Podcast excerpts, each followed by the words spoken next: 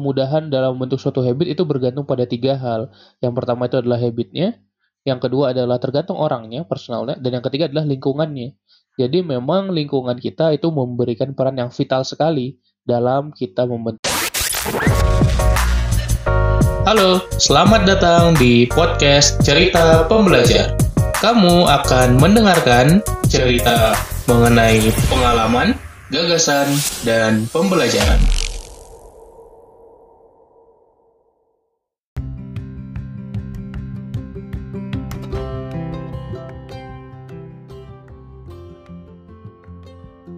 Halo Sobat Pembelajar, semoga kita selalu bisa untuk tetap produktif dan bisa mengencourage lingkungan kita untuk tetap produktif juga nih. Tapi sering gak sih ngerasain kadang keputar malah kita yang tidak menjadi produktif karena lingkungan kita nggak produktif. Nah, untuk menjawab keresahan itu, ada Bang Umar di sini yang akan membahas bareng nih gimana caranya kita menyikapi dan membuat diri kita bisa lebih produktif lagi walaupun lingkungan kita ini tidak produktif. Gimana Bang Umar? Setuju dengan konten seperti itu? Bener banget. Berarti memang betul bahwa kita terpengaruh atau dipengaruhi oleh lingkungan kita. Berarti sebenarnya banyak kan ya yang ngalamin itu ya, nggak cuma gue sendiri yang rasain kan ya? Pasti, dan bahkan semua orang sebenarnya pasti merasakan itu. Kita pasti dipengaruhi oleh lingkungan dan kita pun juga memengaruhi lingkungan kita sebenarnya. Jadi sebenarnya berarti membentuk habit itu tuh penting ya bang untuk memasukkan faktor lingkungan terhadap keberhasilan habit kita. Betul, bahkan uh, eh, gue pernah bahas gitu ya, itu adalah satu per tiga dari ketika kita membentuk habit gitu ya. Jadi kesulitan atau kemudahan dalam membentuk suatu habit itu bergantung pada tiga hal. Yang pertama itu adalah habitnya, yang kedua adalah tergantung orangnya, personalnya, dan yang ketiga adalah lingkungannya. Jadi memang lingkungan kita itu memberikan peran yang vital sekali dalam kita membentuk habit kita. Nah, berarti kalau misalkan kondisi lingkungan kita nih tidak mendukung kita untuk produktif, buat misal gue pingin produktif baca buku, lingkungan gue ngajakinnya nongkrong dan kuarnet mulu. Waktu gue abis nih buat baca buku, buat baca bukunya nggak ada misalkan. Atau malah diceng-cengin, ah sok ini lu sok filsuf, sok pinter, sok akademis, banyakkan baca, hmm. nerd dasar lu udah jangan bergabung-gabung sama kita. Tuh kita nyikapin harus gimana sih, Oke, okay, nice ya. Memang sering sekali kita mendengar gitu ya atau bahkan kita sendiri termasuk uh, menjadi bagian dari suatu kelompok yang kalau seperti toksik lah kita bilang. Nah kalau menurut gue kita perlu mencari orang-orang lain gitu ya kita perlu mencari tongkrongan lain tapi bukan berarti kita nggak berteman dengan teman kita yang lama. Jadi setidaknya kita kurangilah frekuensi nongkrong dengan mereka dan kita perbanyak frekuensi nongkrong dengan tongkrongan yang lebih produktif gitu. Jadi bukan berarti kita memutus silaturahmi dengan teman-teman kita, tapi kita benar-benar juga harus memperhatikan dengan siapa kita menghabiskan banyak waktu di hidup kita. Ah, oke. Okay. Berarti sekarang gue udah dapet why kenapa habit gue kurang bisa kebentuk banget. Mungkin karena lingkungan gue yang tidak mendukung gue untuk punya habit yang baik nih. Nah, sekarang pertanyaannya, cara kita nemuinnya gimana sih, Bang? Lingkungan Oke. Okay. Nah, jadi ketika kita melihat uh, lingkungan kita atau orang sekitar kita, kan manusia itu sebenarnya seorang peniru ya. Manusia itu sebenarnya orang yang senang mencontoh perilaku orang lain. Nah, setidaknya ada tiga ya, tiga orang atau tiga sosok atau tiga tipe-tipe orang yang kita tiru. Ya, jadi yang pertama adalah kita cenderung meniru yang dekat, kemudian kita cenderung meniru yang banyak, dan kemudian kita cenderung meniru yang hebat. Jadi yang dekat, yang banyak, dan yang hebat. Nah, biasanya eh, tongkrongan kita itu bisa masuk ke yang dekat bisa, ke yang banyak bisa. Jadi kita harus cari orang-orang yang baik yang dekat dengan kita, orang-orang yang baik yang banyak di sekeliling kita, dan orang-orang yang hebat yang bisa kita tiru juga. Nah, kita akan bahas dari yang pertama dulu nih. Nah, coba kira-kira kalau orang yang dekat, misalnya lu Andra, siapa aja sih sebenarnya orang-orang yang paling dekat yang lu sering menghabiskan waktu dengan orang-orang itu? Biasa paling pasti keluarga sih, karena kan satu rumah ya. Benar, keluarga. Terus selain keluarga misalnya siapa lagi? Kolega kerja, karena tiap kolega kerja. Live ketemu mulu. Betul. Nah, jadi itu adalah orang-orang yang dekat dengan kita. Dan lu sadar atau nggak sadar, pasti perilaku lu, bagaimana lu melakukan kegiatan sehari-hari, pasti terpengaruh oleh orang-orang itu. Benar nggak? Oke, okay, betul.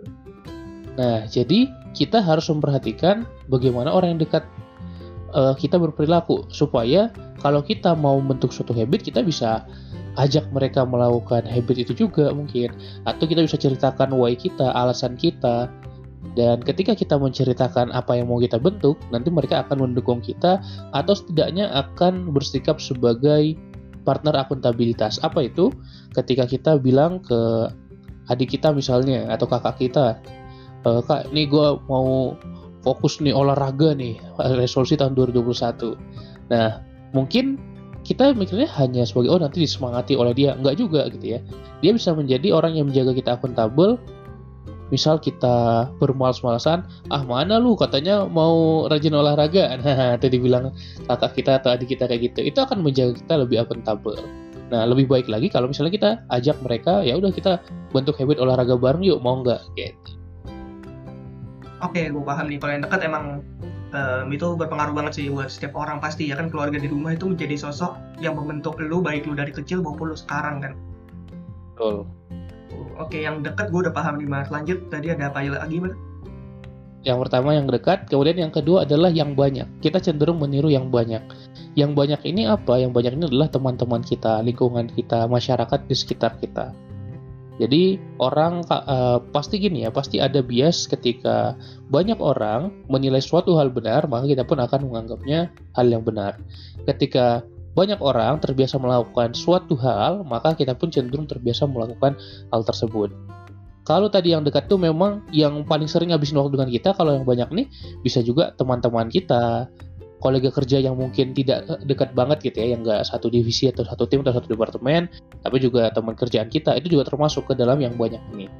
So kalau tadi contohnya uh, di tongkrongan orang-orang belum senang baca, kita bisa punya dua pilihan yang pertama kita bisa ajak mereka kalau itu memungkinkan, ayo baca bareng-bareng. Tapi kalau nggak memungkinkan karena memang anak tongkrongan, anak warnet gitu ya, ya kita cari kelompok lain. Kita bisa join ke klub buku, kita bisa join ke komunitas yang senang baca, yang senang belajar hal baru.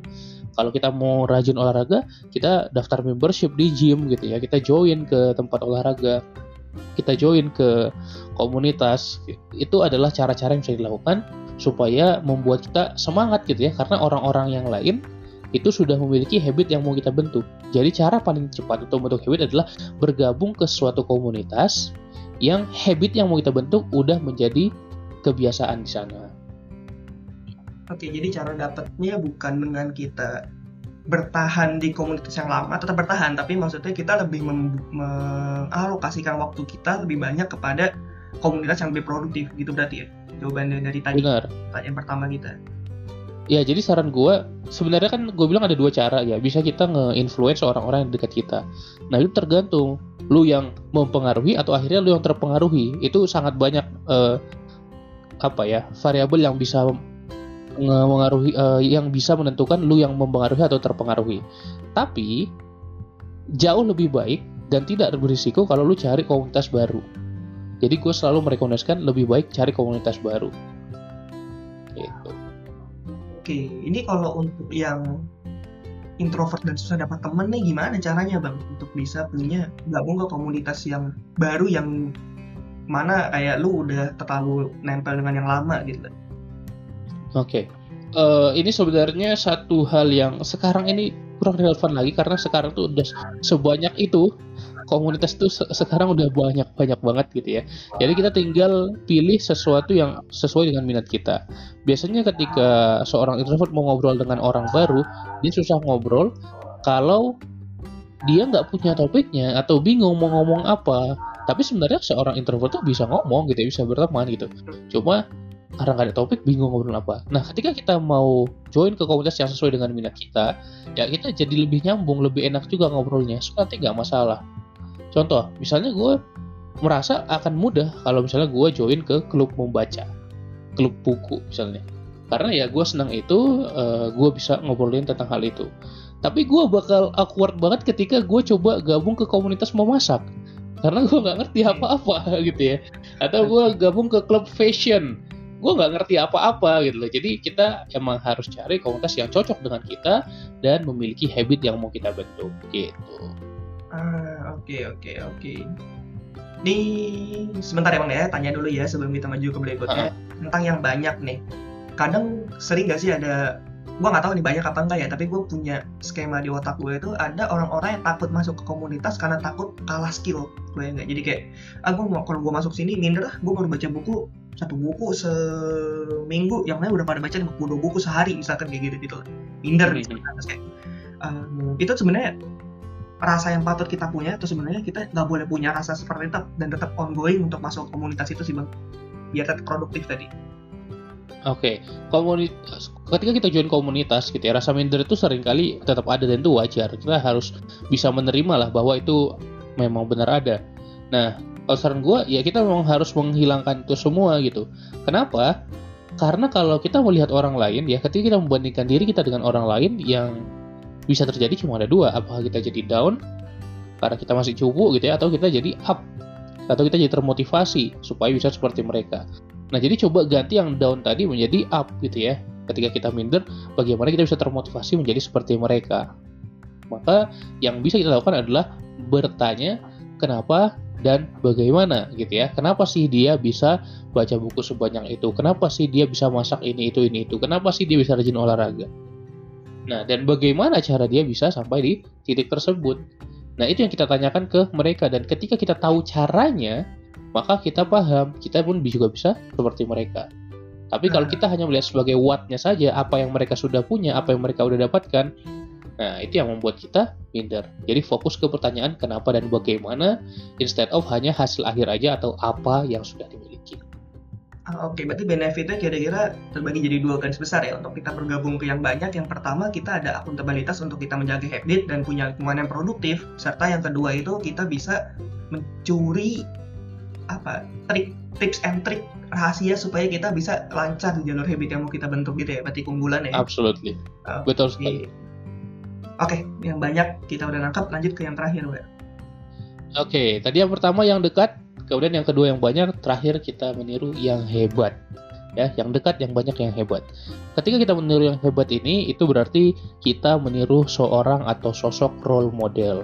Ya, bias- bisa itu influencer, bisa itu selebriti, bisa itu politisi atau tokoh-tokoh yang menjadi role model kita. Nah, caranya adalah kita cari sosok yang bisa kita jadikan role model. Itu bisa jadi orang di kantor kita, di kampus kita, atau di kota kita, negara kita, atau mungkin siapa pun di dunia ini bisa jadi orang yang masih hidup ataupun udah eh, meninggal gitu ya. Dan kita coba ngobrol dengan mereka, kita cari tahu bagaimana habitnya dan kita tanya. Kalau orangnya itu tidak bisa kita reach untuk sekarang, maka cara kita ngobrol dengan mereka gimana? Ya dalam tanda kutip ngobrol, ya kita baca buku yang dia tulis, atau kita nonton video yang dia buat kalau ada. Itu adalah cara-caranya. So, kita tahu bagaimana dia bisa membentuk habitnya dia dan jadikan itu motivasi untuk kita pun bisa membangun habit yang serupa gitu. Oke, ini buat lo yang lagi dengerin, udah jelas jawabannya ya dari pertanyaan kita tadi. Kalau lo mau jadi produktif dengan dibantu oleh faktor lingkungan lo, tiga hal yang perlu dilakuin. Yang pertama, ceritakan why lo ke yang dekat. Yang kedua, cari komunitas yang banyak. Yang ketiga, cari role model yang bisa lo pelajari baik video, konten, buku, atau lain-lain. Itu bisa lo lakukan tiga-tiga sekaligus dalam satu siklus habit lo.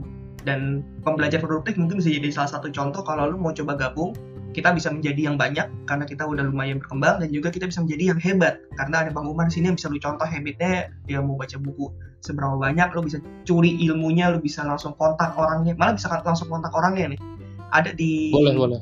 ada di linktree di Instagram belajar produktif. Langsung lu klik aja lu bisa langsung ngobrol sama Bang Umar set kalender dan semua masalah lu sebenarnya bisa langsung selesai. Itu aja mungkin dari kita. Thank you banget Bang Umar yang udah sharing tentang hal ini. Buat lo yang pingin info ini juga tersalurkan ke teman lo lain share di IG story follow pembelajar produktif. Dan juga jangan lupa untuk follow di cerita pembelajar Spotify untuk konten-konten yang produktif dan eh, bisa diimplementasi dalam kehidupan sehari-hari secara langsung thank you buat yang udah dengerin. Thank you Bang Umar. Salam pembelajar Salam pembelajar.